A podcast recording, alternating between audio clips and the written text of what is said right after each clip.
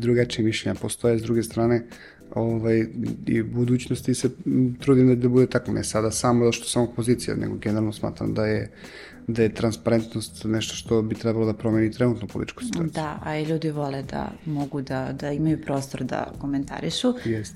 Hvala što si došao, dobro ti nam je došao podcast. Hvala puno.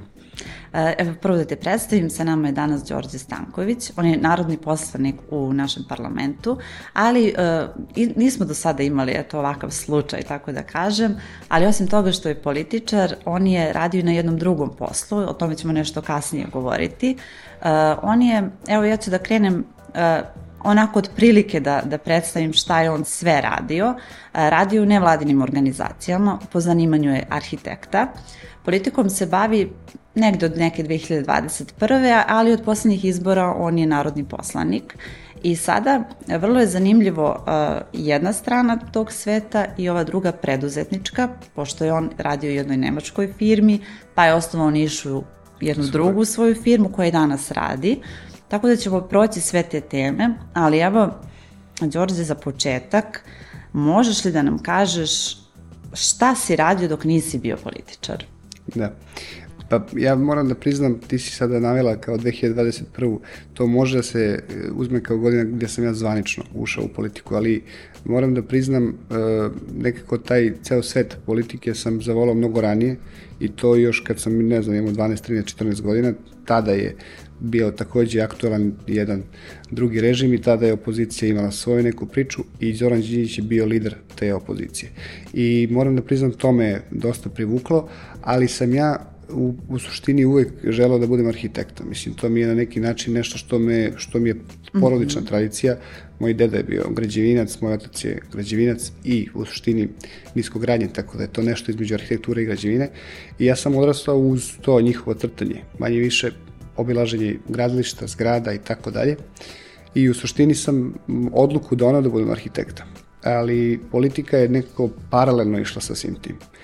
Tako da sam, uh, ja, kada sam završio srednju školu, odnosno u srednjoj školi sam već bio aktivan u nekim nevladnim organizacijama, pri čemu su to bile različiti projekti i različite nevladne organizacije i uživao sam u tome što diverzifikujem mm -hmm. tadašnje moje osnovno ili srednje obrazovanje, jednostavno izlazim iz tog nekog šablona koji postoji i uvek sam svima preporučivao, naravno, mladi ljudi često vole da to generalizuju, da kažu, ma daj, ko zna šta oni rade i tako dalje, ali tu se steknu prvo nova poznanstva, nova znanja i na kraju krajeva malo vidiš ovaj, šta se treba da znaš da bi bio na neki način uspešan Jasne. ili bolji od drugih. E onda dolazi fakultet i tu četvrta godina srednje škole već dilema ovaj, da li je to arhitektura, pošto sam ceo život pričao da ću da budem arhitekta, ili je ipak politika ovaj, nešto što me više priloči. I na neki način sam tada ovaj, ipak rešio da budem arhitekta i da budem ovaj veran toj ljubavi. Prijemni sam spremao jako kratko jer sam ovaj, dugo razmišljao i upisao arhitekturu na kraju, ali sam odmah od prve godine hteo da se bavim i studentskom politikom. Čisto zato što sam želeo da imam dinamiku I između te... I bio si vrlo aktivan. Jesam i u suštini ovaj, to nije baš bilo u toj, te prve tri godine tako, jer nisam imao baš otvorena vrata za tako nešto. Studentska politika je prilično zatvoren koncept. Je, da. Nisu oni baš dragi da ono kao puste bilo koga da uđe pa tu. na samim političkim naukama, ne? E, političke nauke su sjajna stvar, tamo se to, to je nešto obaveza, bukvalno, a kamoli na drugim nekim fakultetima i pravnom i ekonomskom. Međutim, na arhitekturi u Nišu to nije baš bilo nešto revolucionarno popularno, a onda sam ja počeo da kažem da pravim neku svoju priču, svoju organizaciju i tu negde u četvrtoj godini i učestvovao na izborima i prvi put tada pobedio te neke, da kažem, vladajuću tu neku strukturu na studentskom nivou i ušao u studentsku politiku. Međutim, arhitektura kao što je nešto što je meni sve vreme bila ljubav je bila paralelno tu sve vreme aktivna. Ja sam fakultet studirao u Seuroku. Uh, naravno, osim parlamenta mog na, na fakultetu sam bio i student prorektor na univerzitetu, nakon toga posle potpredsednik Skonusa, ali hoću reći nikada nisam gubio tu paralelu sa, sa, sa arhitekturom.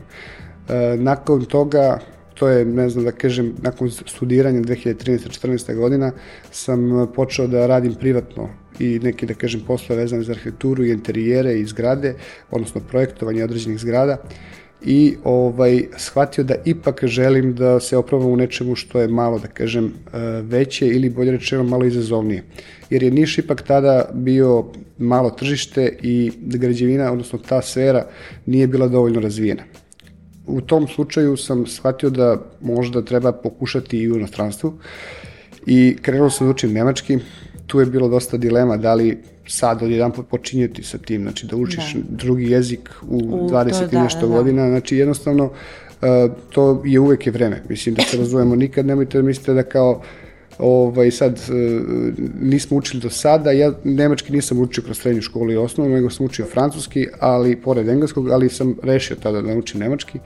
I ovaj, išao sam na nekoliko, da kažem, i tih kursova u inostranstvu, naročito u Nemačkoj, i naučio sam. I po, poslao sam par puta, na par adresa svoj CV i jako brzo dobio Dakle, ponuka. to nije bilo ono preporuka, nije bilo da, da si nekako došao do posla na drugi način, nego je baš bilo peške. E, bukvalno pešaka i iskreno ja volim to. Ja mislim i kao arhitekta volim da imam neke ciljeve, znači da imam jasne planove i ciljeve, a plan je bio prvo da, da, da kažem znam dovoljno nemački da mogu da komuniciram s njima, pa onda da uđem u neku vrstu psihologije, kako to funkcioniše tamo. Ja sam anketirao brdo naših ljudi koji su inače u inostranstvu i koji su naravno po dve ili tri ili više godina tamo, preko različitih projekata ili generalno da kaže su rešili da se presele i to je to, ovaj, i uzimamo njihove CV-e da pogledam na koji način su oni došli u stvari u tu poziciju da, da, da uopšte apliciraju pa i da dobiju posao. I ja sam napravio neku vrstu analize, napravio svoj CV i bukvalno ono otišao na letovanje, to je bilo jun ili jul mesec i ovaj, posle toga sam ja očekivao, ono, slaću sad jako znam koliko CV-a, ovo sam poslao možda pet adresa i bukvalno dok sam bio na letovanju sam dobio poziv da li ste raspoloženi, tako da i tako da. Ja sam rekao da i jako brzo se ovaj, sve to desilo, mislim, jednostavno da, cela ta priča. Da, i mnogo lepa poruka i za mlade da ipak ima šanse i da zaista ne moramo da čekamo da nam neko sredi posao što u Srbiji, nažalost, jeste bila, bila ovaj, jed, da. jedna je od većih predrasuda. E sada tamo dolaziš kao mlad čovek u inostranstvo, Koje su to najvažnije lekcije koje si naučio tokom tog perioda? Pa, u suštini, to je sada situacija u kojoj prvo oni vas analiziraju, jednostavno ovaj, hoće da uđu i u tu vrstu e, ideje koliko vi možete da odete daleko ili bolje rečeno šta su vaše ambicije. E, nijedna korporacija, naročito u inostranstvu, nije ovaj, raspoložna da, da, da da, da kažem, nešto što bi ograničavalo tog čoveka da, da mu nametne pa da on, da on bude nesrećan, nego naprotiv oni žele da u stvari vidite šta su vaši izazovi. I naravno, e, sad Lidl kao korporacija je stvarno sjajna, u pitanju je naravno Lidl firma u kojoj sam mhm. radio i oni su imali naravno planove za sve mlade ljude, za svaki profil. I onda sam tamo dobio ove, neku vrstu profila da treba prvo da odem na obuku, jednu koja je imala dve godine, da prođem sva njihova, sve njihove nivoje, koji bi na neki način meni pokazali šta Lidl sve radi i da sam sebe pronađem u tom a, konceptu i onda se jako brzo desilo da je Lidl rešio da otvara a, svoju centralu, odnosno bolje rečeno da konkretizuje svoje otvaranje u ovaj, Srbiji i dobio sam odmah ponudu bukvalno da pređem odmah da radim ovaj, u Beogradu.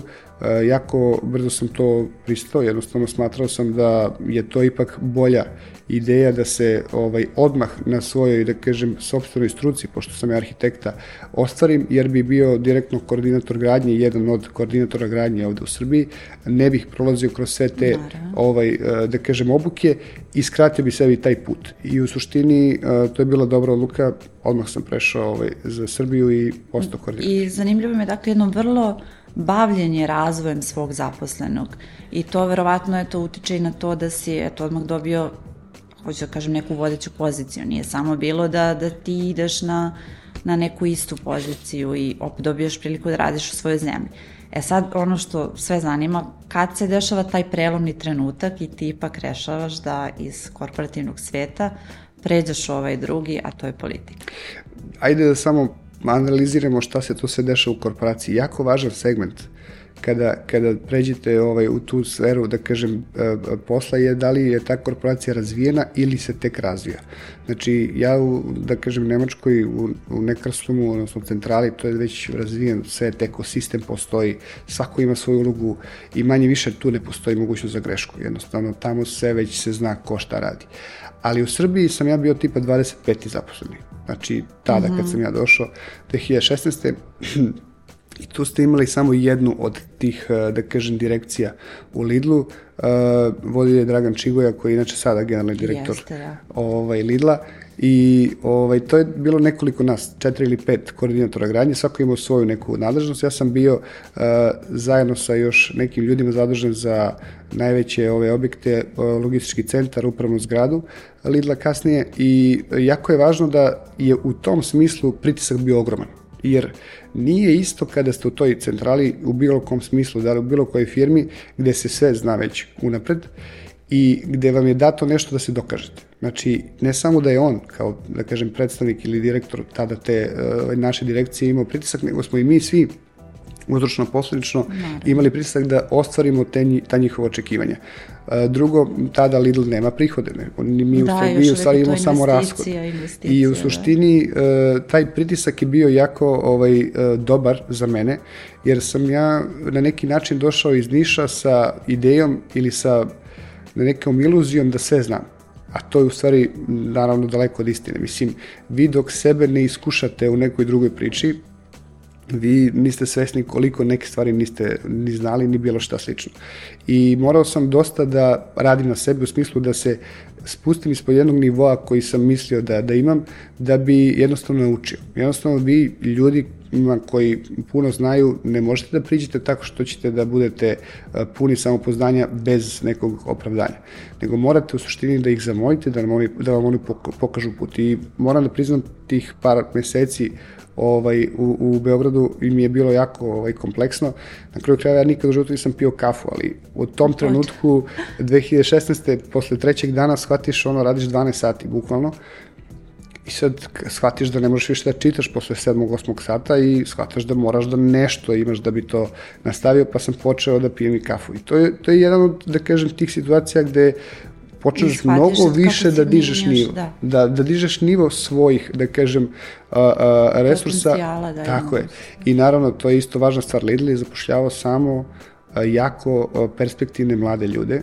Ovaj, mada sam ja i u tom smislu bio među najmlađima, ali ti shvatiš da su svi već imali 5-6-7 godina radnog iskustva u korporacijama i svi su mašine u bukvalnom smislu i sad ili ćeš da postaneš mašina ili te neće biti. Jasno. Tako da je to jedno sjajno iskustvo ovaj, i tu sam ovaj, proveo jednu, da kažem, za mene jako važan segment uh, i, i života i smatram da svako treba prvo da se oproba u, u, tom vrstu, u toj vrsti posla. Znači, prvo da prođe neku vrstu, uh, uh, da kažem, i obuke kroz neku drugu firmu, da vidi na koji način se vode stvari, da prođe, možda bi bilo idealno da, da, da uđe u firmu koja je na tom nekom početku razvitka kao što je bio Lidl. Da uđe jer, od nule. Jer da, ja kad sam izlazio iz firme već je bilo 1500 zapošljenih, znači to je već bio ekosistem. Pa da. A ja sam tada bio, da kažem, među tih prvi 25-6 gde se sve očekivalo nas. Da I se stvori se postavlja tek posao gde su očekivanja Jest. ogromna.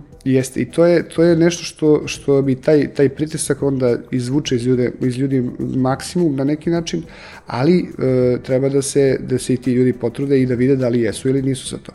Nakon četiri godine gde se na neki način učestvovao u izgradnji i tog logističkog, centra i upravne zgrade e, koja je centrala sada, Lidla i još nekoliko filijala u nekoliko gradova, ovaj, mislim ja volim izazove i na neki način sam smatrao da je vreme za neki drugi izazov, to je bilo neposredno pre zvaničnog mm -hmm. otvaranja Lidla i rešio sam da ili pređem u neku drugu firmu ili da otvorim svoju.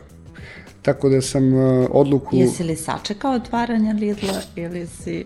Možda sam trebao, ali uh, već je to bila četvrta godina, pa nisam možda imao preveliku, ovaj, nisam, znao sam da neću ništa novo da kažem, da, da, da vidim, ovaj, pa sam rešio da, da jednostavno otvorim firmu neposredno pre nego što se desilo to otvaranje. Uh, vratio sam se u Niš i otvorio svoju privatnu firmu koja se bavi nekretninama. I ti si onda u Nišu radio jedno vrijeme, svoj posao si razvijao, svoj biznis. Šta te onda privlači da shvataš da možeš nešto drugačije, odnosno vraća se ona stara ljubav, a da. to je politika?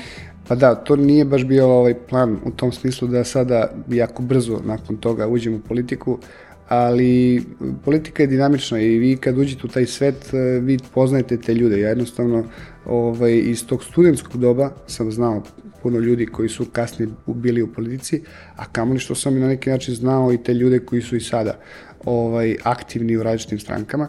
Međutim, umeđu vremenu, ovaj, moj jedan od najboljih prijatelja, ovaj, Stefan Jovanović je sve vreme bio nekako i desna ruka Vuku Jeremiću koji je bio kandidat u UN-u za generalnog sekretara, pre toga bio predsednik Skupštine i jako sam blisko pratio tu, celu tu priču. Naravno u nekom trenutku 2017. godine počinje i, i da kažem formiranje stranke i sve vreme sam iz Beograda pratio celu tu priču, ali sam shvatao da je Niš jako važan grad i grad u, koji, u kome bi bilo idealno uložiti maksimum energije jer postoji velika mogućnost da će opet biti jedan od prvih verovatno slobodnih gradova u smislu ovaj gde će opozicija mu, ima mogućnost da pobedi. I e, ja sam želeo da pomognem znači samo da budem prisutan da na neki način učestvujem u stvaranju cele te priče. Više iz hobija, verovatno u tom trenutku pa, dobro, i nekih ideja koje bi, da, tako je, da, da. Tako je, ali, ali to kad kažemo hobi, nikad to nije hobi, to, to uđe mnogo više od... od... Postane ideologija. I jeste. Da. I, onda, I onda sam malo po malo ovaj, do tog nivoa do, počeo da budem, da kažem, umešan u celu tu priču, da je bilo prirodno da možda se i sam uključim u to. I sada me zanima ovaj deo, da li možeš da uporediš preduzetništvo i politiku, šta je tu teže, gde se više radi, koliko sati i ono čemu si malo pregovorio, da li je potrebno nešto dodatno da te motiviše da bi opstajao u tome, kako izgledaju ta dva sveta? Pa da, e, to često imam, imam puno prijatelja koji se bavi, da kažem, privatnim poslom i preduzetništvom, ili bolje rečeno, dugo su u toj uh, sferi i oni često kažu to je sve menadžerisanje, ti kao političku stranku vodiš kao firmu i tako dalje. Mislim, oni opisuju to pokušavajući meni da kažu kako je to jednostavno. U stvari, nije baš tako. Jednostavno, u biznisu uh, mnogo više partnera imate nego što imate onih koji su vam u tom smislu konkurencija. Uh, vi u biznisu na neki način kad otvorite firmu uh, ipak imate svoje neko okruženje koje hoće da vam pomogne. Na neki način može čak i ona koja firma koja je jača od vas da vam na neki način izađe u susret za neke stvari, ali je činjenica da u tom smislu uh, firma koja je, koja je preduzetnik uh, ipak treba da se bori na tržištu i što je uspešnija, to ima više partnera to više širi svoj ekosistem u pozitivnom smislu. Naravno da dolazi do konkurencije, ali uglavnom je to konkurencija jedan na jedan, jer tu uvek ciljaš na onog ko ti je u tom momentu ovaj, konkurencije. U politici je sasvim obrnuto. Vi kad izađete na tržište u politici, naravno čak i da ste mali i nebitni, ali čak i da ste možda malo važni ili bolje rečeno sa većim rejtingom, uvek su svi protiv vas. I to e, ljudi ne shvataju. Znači, nije samo vlast u ovom slučaju protiv vas pošto ste vi opozicija. Ne. I unutar opozicije vi ste konkurencija ostalima. Ostalima, jasno. Tako da nikom nije stalo da uspete. Svi hoće da neki način da budu ti koji će da, da, da manje više dožive ta, tu vrstu uspeha ili da budu najpopularniji mogući. Tako da je tu uh, mnogo kompleksnije igrati taj šah, a ja volim uh, da igram šah i ovaj, kad to kažem ljudi vole da prave aluziju pa isto i Vučić voli. Ne, ne, znači to ne može da se sad generalizuje. Da znači poredi. šah je jedna svetska igra i treba da, se ima u vidu da to ne može niko da preotme i kaže evo to je sad moj simbol. Znači ja volim da igram šah i smatram da sve u životu treba da se i planira i, i radi na taj isti način. I kad igraš na neki način privatnu firmu, na jedan način igraš šah sa mnogo više figura, a kada si u politici, sa mnogo manje figura moraš da pobediš manje više sve oko sebe. Uh, tako da je to jako izazovno, E, ja ljudi na neki način e, pokušavam da motivišem da uđu u politiku i oni svi gledaju da, da, da, da izbegnu to jer shvataju kako je to eto prljav posao, kako su tu ljudi neiskreni ili tako dalje, tako dalje. Naročito na ovim prostorima. Tako. Naročito što je to na ovim prostorima jako, jako ovaj, diskrimin... na neki način ljudi misle da je, to, da je to loša stvar, a ja sam neko uvek volao da teram inat po tom pitanju šta god ljudi misle da je dobro, ja uvek kažem, pa čekajte, znači to možda nije najbolje ili obrnuto, ako nešto misle da je loše, ja hoću da dokažem da to nije tako. I u tom smislu politika je za mene jedna od najkompleksnijih uh, poslova koji čovjek može da radi jer, je, jer zahteva od tebe da znaš sve što je moguće, ovaj, da kažem, sve što je prisutno. Iz svih sfera, da. Iz svih sfera, s druge strane, da imaš određenu socijalnu komponentu, da sve to absorbuješ, prihvatiš, saslušaš, ali da u isto vreme oko sebe uh, uh, ljude ohrabriš i da na neki način budeš lider. Ako uspeš da jednostavno to ovaj, napraviš, onda si na pravom putu. I u tom smislu, iako je, kažem, politika kompleksna, jer su svi ovaj, na neki način protiv tebe, a, mnogo je velika stvar, mnogo je značajnija stvar kada izađeš iz tog nekog kruga i kreneš da, da, da oko sebe praviš nešto. To je nešto što je mnogo veći, iako ljudi, opet kažem, smatraju biznis za mnogo izazovniji, mnogo je, mnogo je interesantniji kad si u politici, dinamičniji. A, a jesi li razmišljao šta ti je teže? Pošto tre, potrebno je i u biznisu i u politici imati osobine lidera, e, graditi imidž i u jednoj i u drugoj sferi. Evo sad si mi rekao e, šta, koje sve komponente ulaze u jedno i u drugo, a da li si razmišljao šta je teže na kraju dana? Pa da, e, to je sad zavisi od osobe šta vas ujutru ovaj, vuče kada ustanete? Mislim, postoje, u biznisu je jako važno da vi imate stalno neke zadatke i na neki način da ih stalno ovaj, realizujete, ali ako vas to ne motiviše ili ako bolje rečeno ne vidite ovaj, draž u tome, onda čak i da je na neki način najbolji biznis na svetu, onda nije to baš da, da ste srećni zbog toga. Ovaj, isto važi i za politiku. Znači, ukoliko vas motiviše da se bavite politikom i da menjate stvari i da na dnevnom nivou ovaj, ljudi otkrivaju ovaj, da, ste, da ste nešto dobro radili, onda je to prava stvar. Znači, u tom smislu moram da priznam da ne mogu da kažem šta je teže, jednostavno i jedno i drugo je jako kompleksno. Ali ako imate a, želju da se bavite politikom, onda će vam sigurno teže biti biznis. Ako imate želju da se bavite biznisom, onda politika i nije za vas. Znači jednostavno tu su te dve stvari iako su slične razdvojive, jer ne može a, a, biznis u tom nekom smislu a, da bude previše involviran u politiku, jer, jer može da pretrpi posledice, naroče ako su u opoziciji. Da, a obrnuto, da li je politika biznis? Da, to je ovaj, često na ovim prostorima ovaj, postalo kao prirodna stvar, kao politika i biznis, međutim, za mnoge ljude u ovoj našoj zemlji je politika biznis. Uh, mi imamo situaciju da se određeni profili samo menjaju iz jedne u drugu političku ovaj, stranku, zato što im je to na neki način stil života, ali to im je u stvari biznis. Ja naravno ne podržavam taj koncept da bez ideologije pratite stranku na vlasti i da samo prelazite iz jednu u drugu. Mislim da je to neiskreno. Naravno, ja mislim da u politici postoji tri različita profila. Znači, tri različita profila osoba koje se bave politikom. Prvi profil jeste onaj ko je uglavnom najviše zainteresovan za profit, za novac. Da. To je, da kažem, i možda najjasniji profil ličnosti koji se daje politikom. Drugi je egocentrik koji suštinski želi samo po svaku cenu da bude taj broj jedan i da pokaže ljudima da je prvi u svom selu, gradu ili bilo kom drugom smislu i to je jako opasno jer tu manje više pravila nema, onda on želi da dokaže svima po svaku cenu. Uh, i naravno nije važno koliko će umeđu vremenu da, da, da pregazi ili na bilo koji način poništi. I treća kategorija u što neskromno smatram da ja spadam, ovaj, je u stvari ta neka vrsta ideologa koji žele da nešto postignu kako bi ostali imali neku vrstu, eh, da kažem, bolje sredine nego što su imali pre toga. I moram da priznam, ja u stvari eh, sam shvatio da željam da se bavim politikom tako što sam, ne znam, na fakultetu ovaj, neke male promene ovaj, kao studentski predstavnik napravio, ne znam, uveo elektronsku prijavu ispita. Pa mi je 50 njih koji su naravno smatrali da je, da je glupo čekati u redu, ali ništa nisu radili po toga, prišlo i reklo svaka čast, kako si došao na tu ideju? Pa nisam ja došao na tu ideju. To je nešto što je tamo na elektronskom fakultetu u Nišu već postojalo, svi fakulteti su to već imali, samo mi nismo imali. Da, ta ali, implementacija ideje je u stvari. Ali je samo ta želja da vošte nešto želiš da promeniš bila velika. Pa onda neke druge stvari koje smo umeđu vremenu radili i na univerzitetu i tako dalje, i ti dobiješ tu jednu pozitivnu, taj pozitivan uh, vibe koji ti na neki način daje motivaciju da nastaviš. Uh, I to je sad nešto što, kažem, je važno da se održi. Znači, to nije garancija da će ta, ne, ta osoba koja je tu ušla zbog neke pozitivne ideje da ostane na toj ideji. Postoji mogućnost da je privuče novac.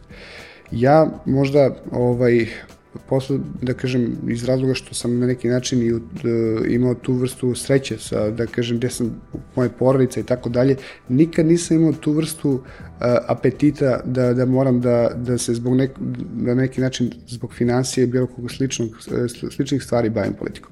Na kraju krajeva uvek sam bio prilično samuveren, pa mi nije ni taj ego bio potreban da bi se dokazivao. Jednostavno, ovaj, moja ideja jeste da uh, napraviš promenu, sada u ovom slučaju ja se bavim najviše lokalnom politikom, tako da mi je promena važna da se desi da, u Nišu.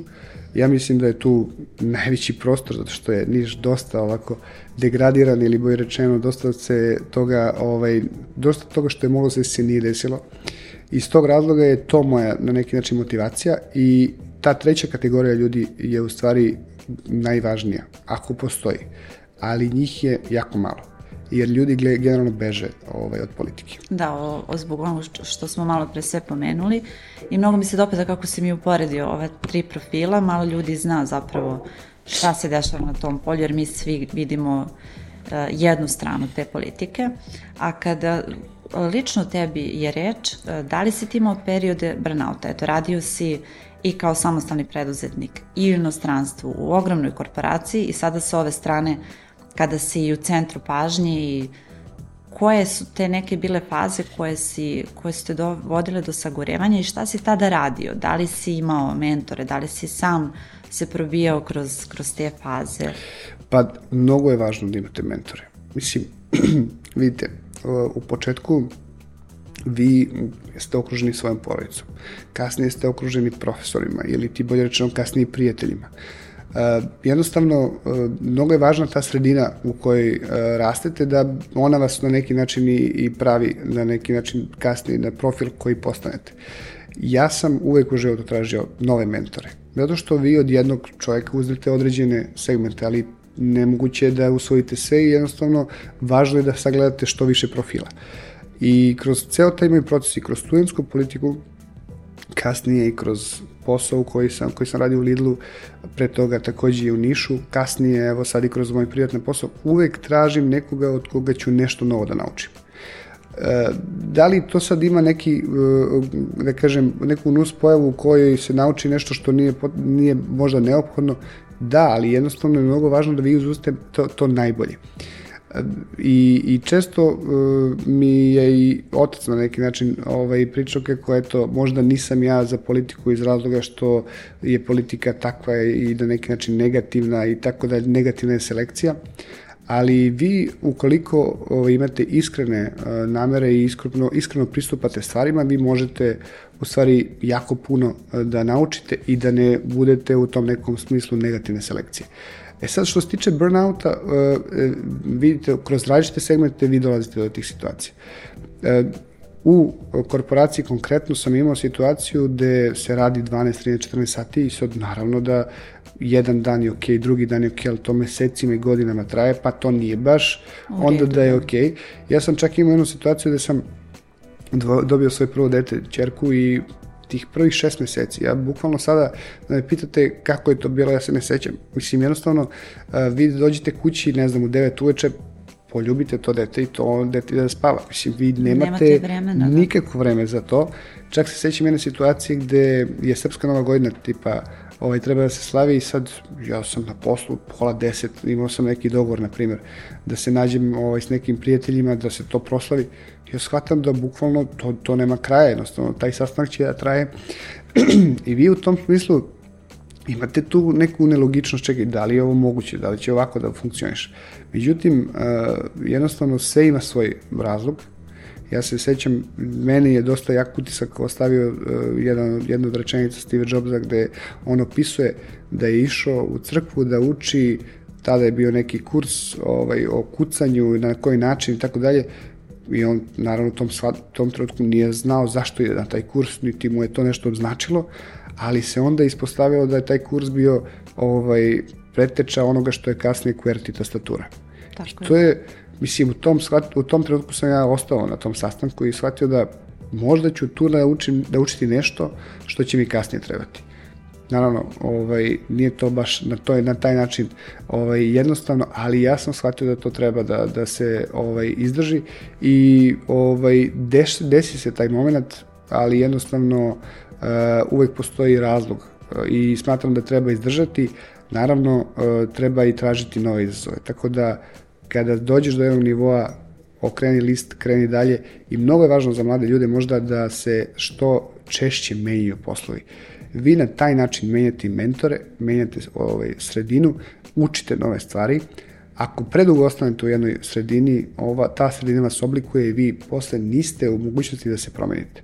Ja sam shvatio to i u jednom trenutku sam sebe ograničio u Lidlu jer nisam želeo da me ta sredina na neki način e, zadrži i da više ne mogu da izađem iz tog e, koncepta. To je ono što je nekada problem u čaurimo se u jednom mestu na ovim prostorima i ostalo je i to od ranih, ranih perioda da mislimo da je jedan posao za sva vremena, naravno I, to ne postoji. Da, i prestajemo da budemo konkurentni na drugim tržištima, vrlo ograničimo sebe u tom smislu.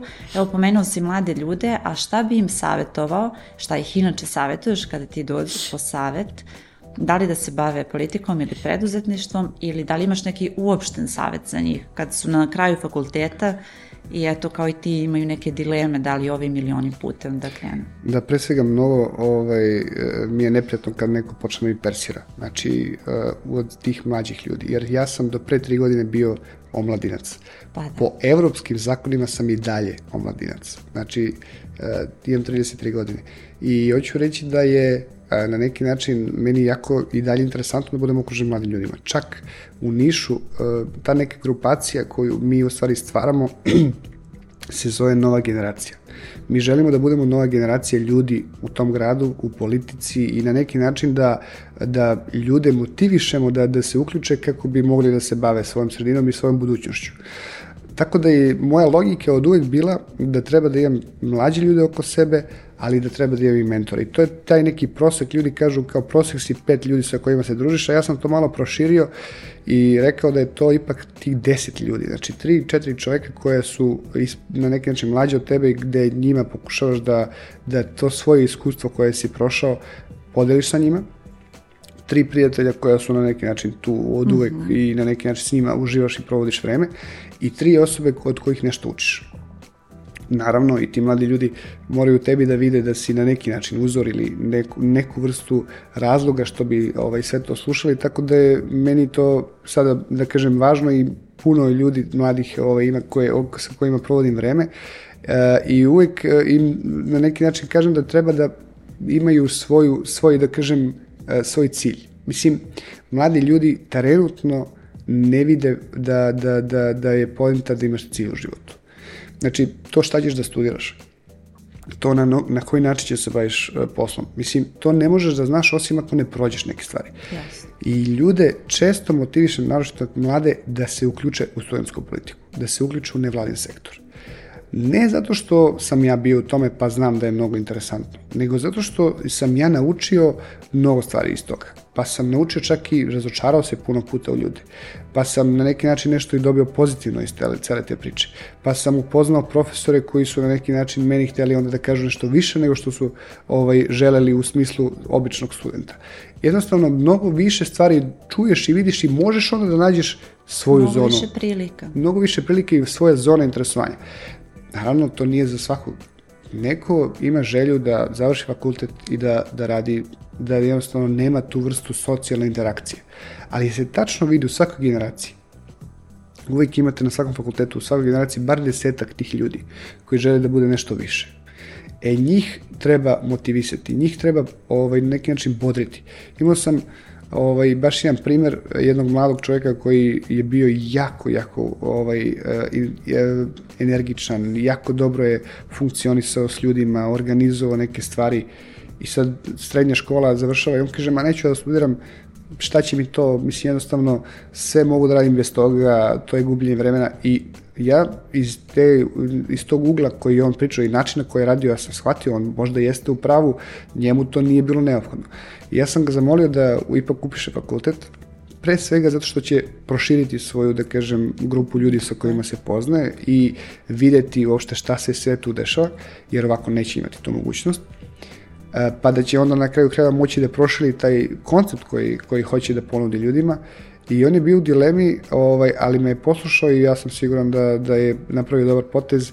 I ne samo sada da je ovaj, sreća što, što, se, što studira, nego što je digao svoj nivo i samopouzdanja, a na neki način i biznisa, na, ja, iako je mlad, naglašavam, ovaj, na jedan viši nivo. Fakultet, naročito u Srbiji, koji je, evo, univerziteti koji su jako staromodni, Imajte u vidu, da. tradicionalni, imajte u vidu da uh, posle fakulteta vi zaista ništa ne znate. Iako se, to je temelj nekog znanja, osnova znanja. Ali toliko se u poslu stvari dešava da, da to što ste naučili na fakultetu je samo jedan ili dva procenta. Jednostavno ja sa arhitekturom kad sam došao na to gradilište ja sam morao sve od početka da krenem, bukvalno. I to nije samo vezano za arhitekturu, to je pa vezano... Pa jeste i u novinarstvu ili bilo gde, kažem, učite zanat kad dođete Tako na je. radno mesto, ne na... Tako je, da. mislim, ja sam siguran da pravnici koji završe prava tek shvate šta je advokatura ili šta god, Absolut. bilo koja sfera, tek kada krenu da se bave tom mislom advokaturom. Jednostavno, ti tek u poslu naučiš nešto, ali taj fakultet ti na neki način stvori disciplinu, dati tu jednu širinu, a na kraju ti daj potvrdu da si ti ipak nešto završio, da imaš uh, situaciju u kojima si uh, svoje neke cilje ostvario u tom segmentu. Ukoliko to nemaš, onda ti poslodavcu ne dokazuješ da si istrajan. E, a pošto onda automatski kad završi fakultet imaš i samopouzdanja, na kraju krajeva nije važan prosek, važno je da si na neki način sve to završio, prošao kroz celu tu priču na ovaj na, da kažem, u roku ili, ili možda si malo prolongirao, nije važno, ali poslodavcima je to važno. Ogroman temelj na kraju krajeva. Ogroman temelj i onda poslodavci mogu da ti kažu ajde sad da vidimo koliko možeš i onda je manje više sve nebo i granica. Naravno, gledaju, gledaju, pogotovo strane kompanije, vrlo gledaju, gledaju na to. I evo za kraj, šta onda sa političarima? Da li imaš savete za njih kako biti uspešan? Ne u Srbiji, generalno. Da, moram da priznam, nisam ja dostigao neke velike uspehe da bi mogao da savjetujem druge. Mislim, ja mogu da kažem šta... šta bi voleo da vidiš? Šta ja volim, šta ja, šta ja smatram da je, da je pozitivna stvar ili šta ja volim da vidim oko sebe. Eto, to možemo tako da definišemo. Uh, Meni je jako važna iskrenost. Znači, to da li ste iskreni, to se jako brzo vidi. Ljudi osjećaju. Znači, tu ne možete da, da, da folirate, jednostavno možete neko vreme, ali ne možete sve vreme. I e, sad, naravno, mnogo su važni mediji da na koji način ćete to plasirati, ali iskrenost se osjeća. I sad, obzirom, s obzirom da mi imamo samo društvene mreže, na neki način to je jedini medij na koji mogu da se ovaj, pojavljujem, uh, meni je važno da budem transparentan. Znači, ta iskrenost se ili vidi ili ne. Uh, tako da je to prvi i, i jako važan segment. Drugi segment jeste da li ste hrabri. Znači, nemojte da se bavite politikom ako ćete da kalkulišete. Ja razumem da, da je politika i ima sastavni deo. Znači, jednostavno, vi kad uđete u celu tu uh, sferu, vi vidite da uh, i u opoziciji ima onih koji, koji nešto ne bi napali ili bi napali, ali jednostavno to su već počinju kalkulacije i onda u tom smislu uh, možda oni jesu hrabri, ali ne bi zbog ovog ili onog, ako ste u politici, ako imate uh, svoje ideje, hrabro ih iznosite jednostavno to će ljudi da cene ili jednostavno će da budu za vas i neće da budu za vas. Znači, to je sad mnogo važno. Znači, ne možete da, da prikupite 100% ljudi. Možete da prikupite, da, da na neki način motivišete i da, da utičete samo na one ljude kojima se ta ideja sviđa. Ali ako niste hrabri da je iznesete, onda verovatno nećete moći nikada uspeti. Tako da iskrenost i hrabrost su jako važni segmenti. I treći segment je, ja smatram jako ovaj, važan i presudan za sve ovo pre toga, jeste kojim ljudima ste okruženi.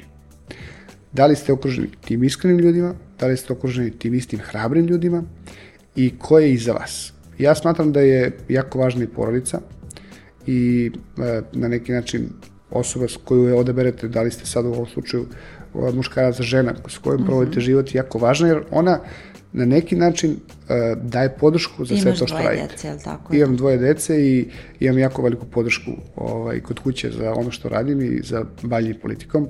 I to je jako važan uh, segment iz razloga što postoji često ta vrsta kočnice u porodici, da jednostavno da ljudi osporavaju to političko delovanje ili postoji nerazumevanje. Znači ja imam tu sreću u smislu da sam jednostavno uh, uh, imam podršku, ali i ta na neki način uh, podrška nije samo ovaj na tom nivou, nego je i e, moja supruga Eva i hrabra i, i iskrena u tom smislu da ona vidi da je to ispravna stvar.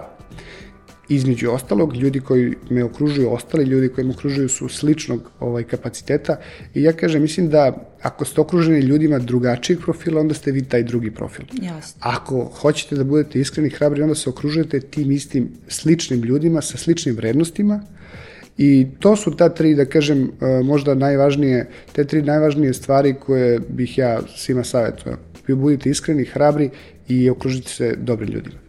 Hvala Đorđe mnogo što si bio naš gost. Hvala vama na pozivu. Vi nas gledate sledeće nedelje, čitajte na Telegram biznisu, slušajte na Spotify, YouTube, Apple i Google platformama. A ja hoću za kraj kao arhitektu nešto da te pitam. Šta ti kažeš za ove cene nekretnina?